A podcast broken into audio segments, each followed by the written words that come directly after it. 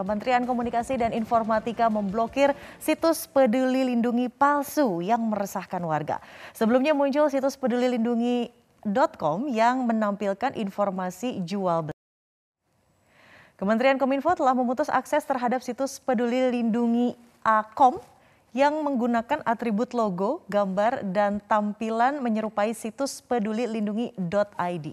Kominfo menyatakan seluruh isi dan informasi dalam situs pedulilindungia.com tidak terkait dengan situs pedulilindungi.id dan tidak berhubungan dengan upaya pemerintah dalam penanganan COVID-19. Dari segi tampilan, situs pedulilindungi.id milik pemerintah dengan situs palsu pedulilindungia.com nyaris tidak ada bedanya. Namun, laman pedulilindungia.com meminta pengakses untuk memasukkan nomor ponsel, nama lengkap, dan alamat rumah untuk pengecekan status vaksinasi COVID-19. Kemenkominfo menegaskan situs resmi milik pemerintah hanyalah pedulilindungi.id. Kita ke informasi lainnya pemirsa pemerintah Provinsi Bali telah mengizinkan pusat perbelanjaan dan destinasi wisata untuk dibuka kembali pada tanggal 7 September kemarin. Salah satu destinasi wisata yang kembali dibuka adalah Pantai Kuta yang tampak mulai ramai didatangi oleh pengunjung. Informasi selengkapnya akan disampaikan rekan Bagus Putra langsung dari Bali. Bagus Putra, bagaimanakah suasana di Pantai Kuta siang hari ini? Banyak nih pemirsa Newsline juga rindu akan suasana pantai Kuta. Silahkan. Ya betul, Nadia juga di rumah pada hari ini sudah mulai banyak uh, pengunjung yang datang ke Pantai Kuta dan juga uh, para pedagang yang sejak uh, awal pandemi tidak bisa berjualan, mulai hari ini sudah mulai kembali membuka uh, dagangannya. Antara lain yaitu pedagang minuman, juga penyewaan lapangan surfing, dan juga beberapa pedagang-pedagang yang menyewakan uh, tempat-tempat untuk uh, duduk dan juga bersantai begitu Eva. Dan juga terkait dengan uh, aturan yang diterapkan oleh Pemerintah Provinsi Bali apabila ada pengunjung yang akan datang ke Pantai Kuta itu wajib nantinya menunjukkan sertifikat vaksin minimal dosis pertama. Dan ini juga berlaku apabila ada masyarakat yang ingin mengunjungi mal-mal atau uh,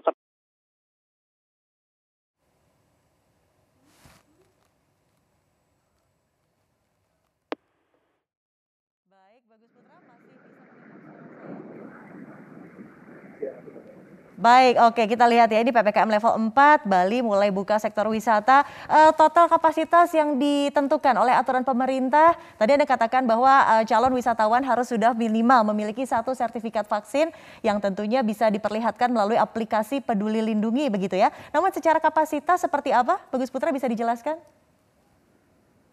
Ya, dengan SC Gubernur nomor 15 tahun 2021 bahwa memang kapasitas pengunjung yang bisa uh, mengunjungi mall, perbelanjaan maupun juga uh, tempat wisata itu maksimal 50% dari kapasitas uh, pengunjung begitu. Sehingga memang nantinya pengunjung akan minta untuk uh, menginstal aplikasi Peduli Lindungi dan juga melakukan check-in begitu.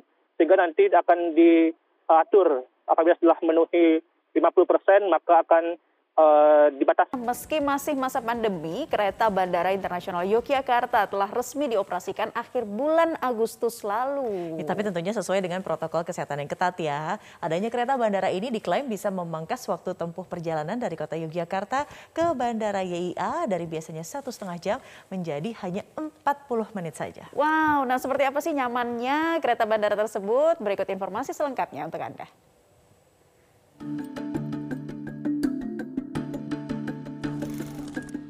Telah diresmikannya operasional kereta Bandara Internasional Yogyakarta menjadi angin segar bagi warga kota Yogyakarta dan sekitarnya guna menunjang aktivitas sehari-hari. Kendaraan kereta bandara ini memudahkan mobilitas dan konektivitas dari dan menuju ke bandara. Kereta ini diklaim memangkas waktu yang cukup efisien jika dibandingkan dengan menggunakan kendaraan roda 4. Jadi karena hari ini saya ada perjalanan dari eh, Yogyakarta menuju ke Jakarta dan karena tadi bangunnya agak kesiangan dan tidak bisa eh, mengejar kalau kita pakai kendaraan roda 4 maka kali ini saya akan ke Bandara YIA menggunakan moda transportasi yang baru saja diresmikan oleh Kementerian Perhubungan. Jika dilihat dari aplikasi Google Maps, waktu tempuh dari stasiun Tugu menuju Bandara YIA dengan menggunakan kendaraan roda 4 dengan jarak 40 km sekitar 1 hingga satu setengah jam. Nah, makanya saya memilih menggunakan jasa kereta bandara agar memangkas waktu tempuh lebih cepat yakni menjadi 40 menit. Sejumlah syarat terkait protokol kesehatan diterapkan PT KAI bagi setiap penumpang kereta bandara. Ya, karena ini masih masa pandemi, jadi kita harus mematuhi aturan tersebut agar bisa dipastikan semua penumpang aman dan sehat selama di dalam kereta masyarakat yang ingin menjajal kereta bandara ada sejumlah syarat yang harus dipenuhi yakni surat keterangan bahwa yang bersangkutan kerja di sektor kritikal atau ke sektor esensial. Surat ini wajib dibawa kemudian diberikan kepada petugas. Nah, setelah mendapat izin dari petugas Anda baru bisa mengantri tiket untuk masuk ke dalam KA bandara. Calon penumpang yang akan menggunakan kereta api diwajibkan mengecek suhu tubuh dan menggunakan hand sanitizer. Selain itu, tentunya juga harus menggunakan masker dan menjaga jarak selama di stasiun dan perjalanan. Jumlah penumpang juga dibatasi 50% dari kapasitas penumpang. Stasiun Yogyakarta itu eh, rata-rata uh, cukup uh, banyak peminatnya, cukup tinggi. Jadi memang kita atur uh, dan kita batasi gitu Mas. Kapasitas kereta setiap kali berangkat itu sekitar 200 penumpang dan itu kita batasi 50% dari kapasitas. Jadi sekali berangkat maksimal 100 penumpang yang bisa kita angkut. Dengan berarti kita bisa membatasi physical distancingnya selama di dalam kereta, di dalam perjalanan hingga sampai di stasiun tujuan. Nah, setelah dicek syarat perjalanan dan suhu dan diperbolehkan petugas, saya pun mengantri untuk dapat tiket kereta api bandara. Karena masih dalam promosi, hingga 16 September mendatang biaya perjalanan kereta bandara saat ini sebesar 0 rupiah. Dan benar saja, sesuai dengan jadwal, kereta pun siap berangkat. Kereta sudah mulai bergerak dan sekarang jam 10.21 nanti kita lihat apakah benar kereta ini akan tiba di Jakarta International Airport dengan jarak tunggu dari YIA ini sekitar 40 kilo hanya dengan waktu 40 menit. Kesan pertama yang saya rasakan ketika masuk dalam kereta bandara yakni kereta ini cukup nyaman. Bagi penumpang yang membawa koper pun tersedia ruang yang cukup lega. Kesan pertama saya ketika masuk di kereta bandara ini, kereta bandara ini uh, sangat bersih, kemudian pendingin udara berfungsi dengan baik dan yang penting karena ini di dalam uh, masa pandemi adalah penerapan protokol kesehatan. Penerapan protokol kesehatan ini sangat diterapkan dengan baik di dalam bandara. Jarak antara penumpang diperhatikan dan uh, dalam satu baris ini hanya boleh ada satu penumpang. Dan bagi Anda yang bawa koper ataupun barang bawaan, Anda bisa meletakkan di depan ini sehingga barang bawaan Anda terpantau. Selain terbebas dari kemacetan, waktu yang lebih efisien, penerapan protokol kesehatan yang ketat, penumpang juga merasa nyaman dengan panorama pemandangan memanjakan mata selama perjalanan. Yang istimewa dalam perjalanan kereta bandara ini, eh, selain kita tidak perlu berpakaian yang paling penting kita akan disuguhkan oleh pemandangan alam yang cukup indah sepanjang jalur kereta bandara ini secara prokes bagus sih karena tidak semua itu berlaku masyarakat bisa. Apalagi dengan penyebaran covid kita lebih aman. Suasana di perjalanan disejukkan dengan view alam yang bagus. Uh, nyaman terus refresh juga sih. Enak ya mas. Keretanya juga bersih banget menurut saya gitu. kalau dibanding dengan ini? Menurut saya ini lebih lebih praktis ya. Kalau untuk kita yang buru-buru yang kayak mau mudik kayak gitu dengan kereta ini itu membantu sekali menurut saya. Tak terasa tujuan saya ke stasiun bandara sudah sampai. Sesuai dengan jadwal kereta pun datang di stasiun bandara tepat waktu saat ini pukul 11 dan sesuai jadwal berarti durasi perjalanan kita menggunakan KA Bandara ini 40 menit dari stasiun Tugu Yogyakarta menuju ke stasiun Bandara YIA.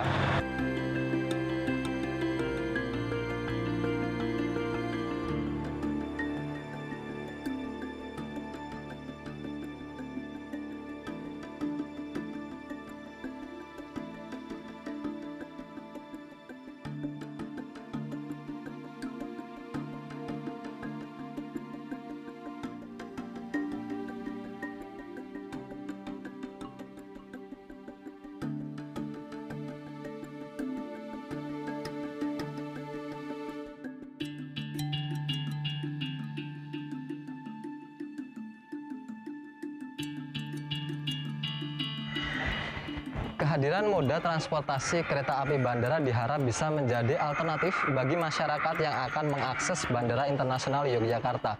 Karena dari segi durasi memangkas waktu perjalanan yang cukup singkat, hanya berkisar 40 menit dan juga fasilitas yang ditawarkan tentunya premium dan nyaman bagi penumpang.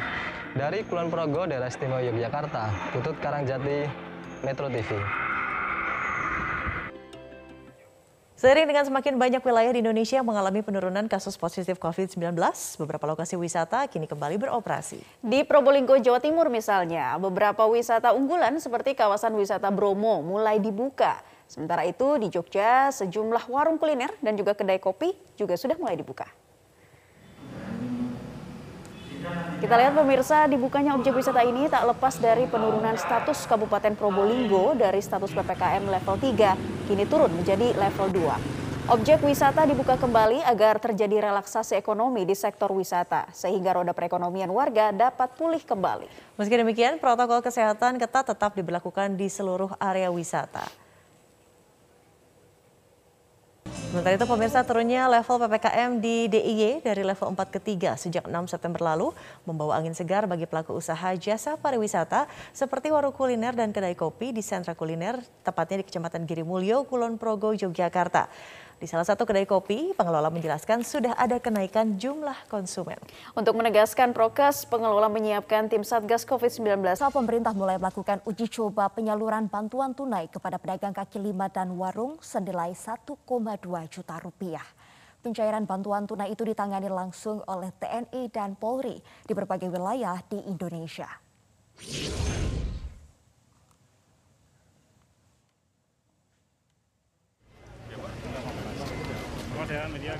Bantuan tunai senilai 1,2 juta rupiah kepada para pedagang kaki lima dan warung makan mulai disalurkan pemerintah melalui TNI dan Polri.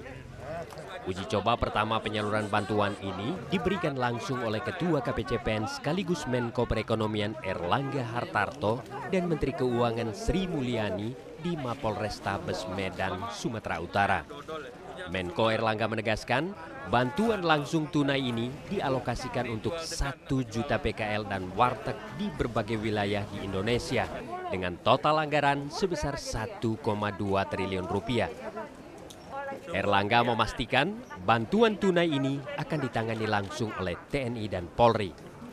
Secara nasional diberikan untuk 1 juta dan 1 juta PKL maupun warteg dan itu dibagi 500 ribu melalui TNI, 500 ribu melalui Polri dan jumlah bantuannya 1,2 juta sehingga total uh, ya, dana yang disediakan itu adalah 1,2 triliun.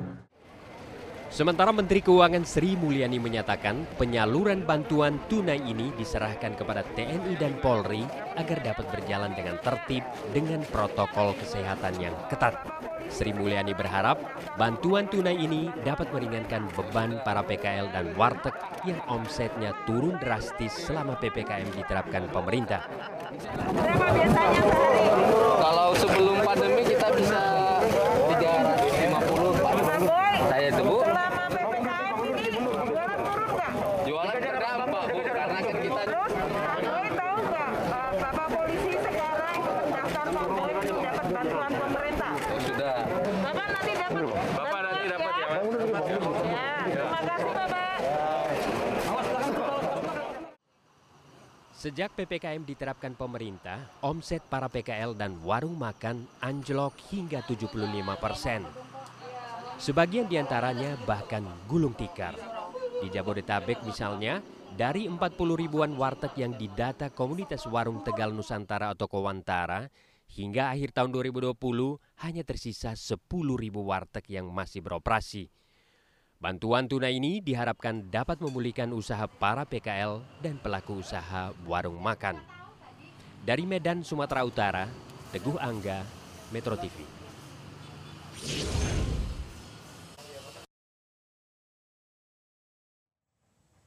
Ekspor Indonesia terus meningkat di tengah pandemi COVID-19. Salah satu penopangnya adalah produk kesehatan seperti suplemen probiotik yang sudah menembus pasar ASEAN hingga Tiongkok. Meningkatnya kesadaran masyarakat global untuk menjaga kesehatan dan imunitas tubuh ikut mendorong permintaan suplemen kesehatan seperti minuman probiotik dari Malang, Jawa Timur yang sudah menembus pasar Tiongkok. Saat peluncuran perdana ekspor minuman probiotik ini, Direktur PT AMA Gerek Tageson menyatakan, sebenarnya sudah banyak konsumen luar negeri, terutama Asia Tenggara dan India, yang memesan produk ini. Namun masih butuh waktu untuk pengurusan izin impor dan izin edar di negara tujuan. Meski demikian, suplemen kesehatan asal Indonesia ini akhirnya bisa masuk ke pasar Tiongkok setelah melewati proses perizinan selama lebih dari setengah tahun. Soalan di negara tujuan, izin izin edarnya. Ya seperti di sini kan Proemuan memiliki izin edar yang diterbitkan oleh Badan POM ya Proemen uh, izin edarnya adalah suplemen kesehatan probiotik. Sementara Bupati Malang Sanusi menyatakan, ekspor perdana PT AMA ini menjadi bukti bahwa produk dalam negeri Indonesia memiliki kualitas dan diterima di pasar internasional. Selain itu, tahapan ekspor ini juga menjadi salah satu indikator bahwa ekonomi daerah tetap berjalan meski masih dihantui pandemi COVID-19. Ya, ke depan saya berharap eh, ini bisa dikembangkan sehingga nanti dari Malang untuk dunia ini benar-benar bisa terjadi dan di Malang memang kita gelorakan untuk eh, industri yang berbasis ekspor agar nanti dapat meningkatkan pendapatan dan kesejahteraan masyarakat. Sejak pandemi COVID-19 melanda Indonesia pada bulan Maret 2020 lalu, tercatat ada empat produk asli Kabupaten Malang yang tetap menembus pasar ekspor. Di antaranya sayuran, ikan beku, dan suplemen kesehatan probiotik dari PT AMA ini. Selain menopang ekspor nasional, produk-produk ini ikut membantu penyerapan tenaga kerja dan menghidupkan ekonomi daerah selama pandemi.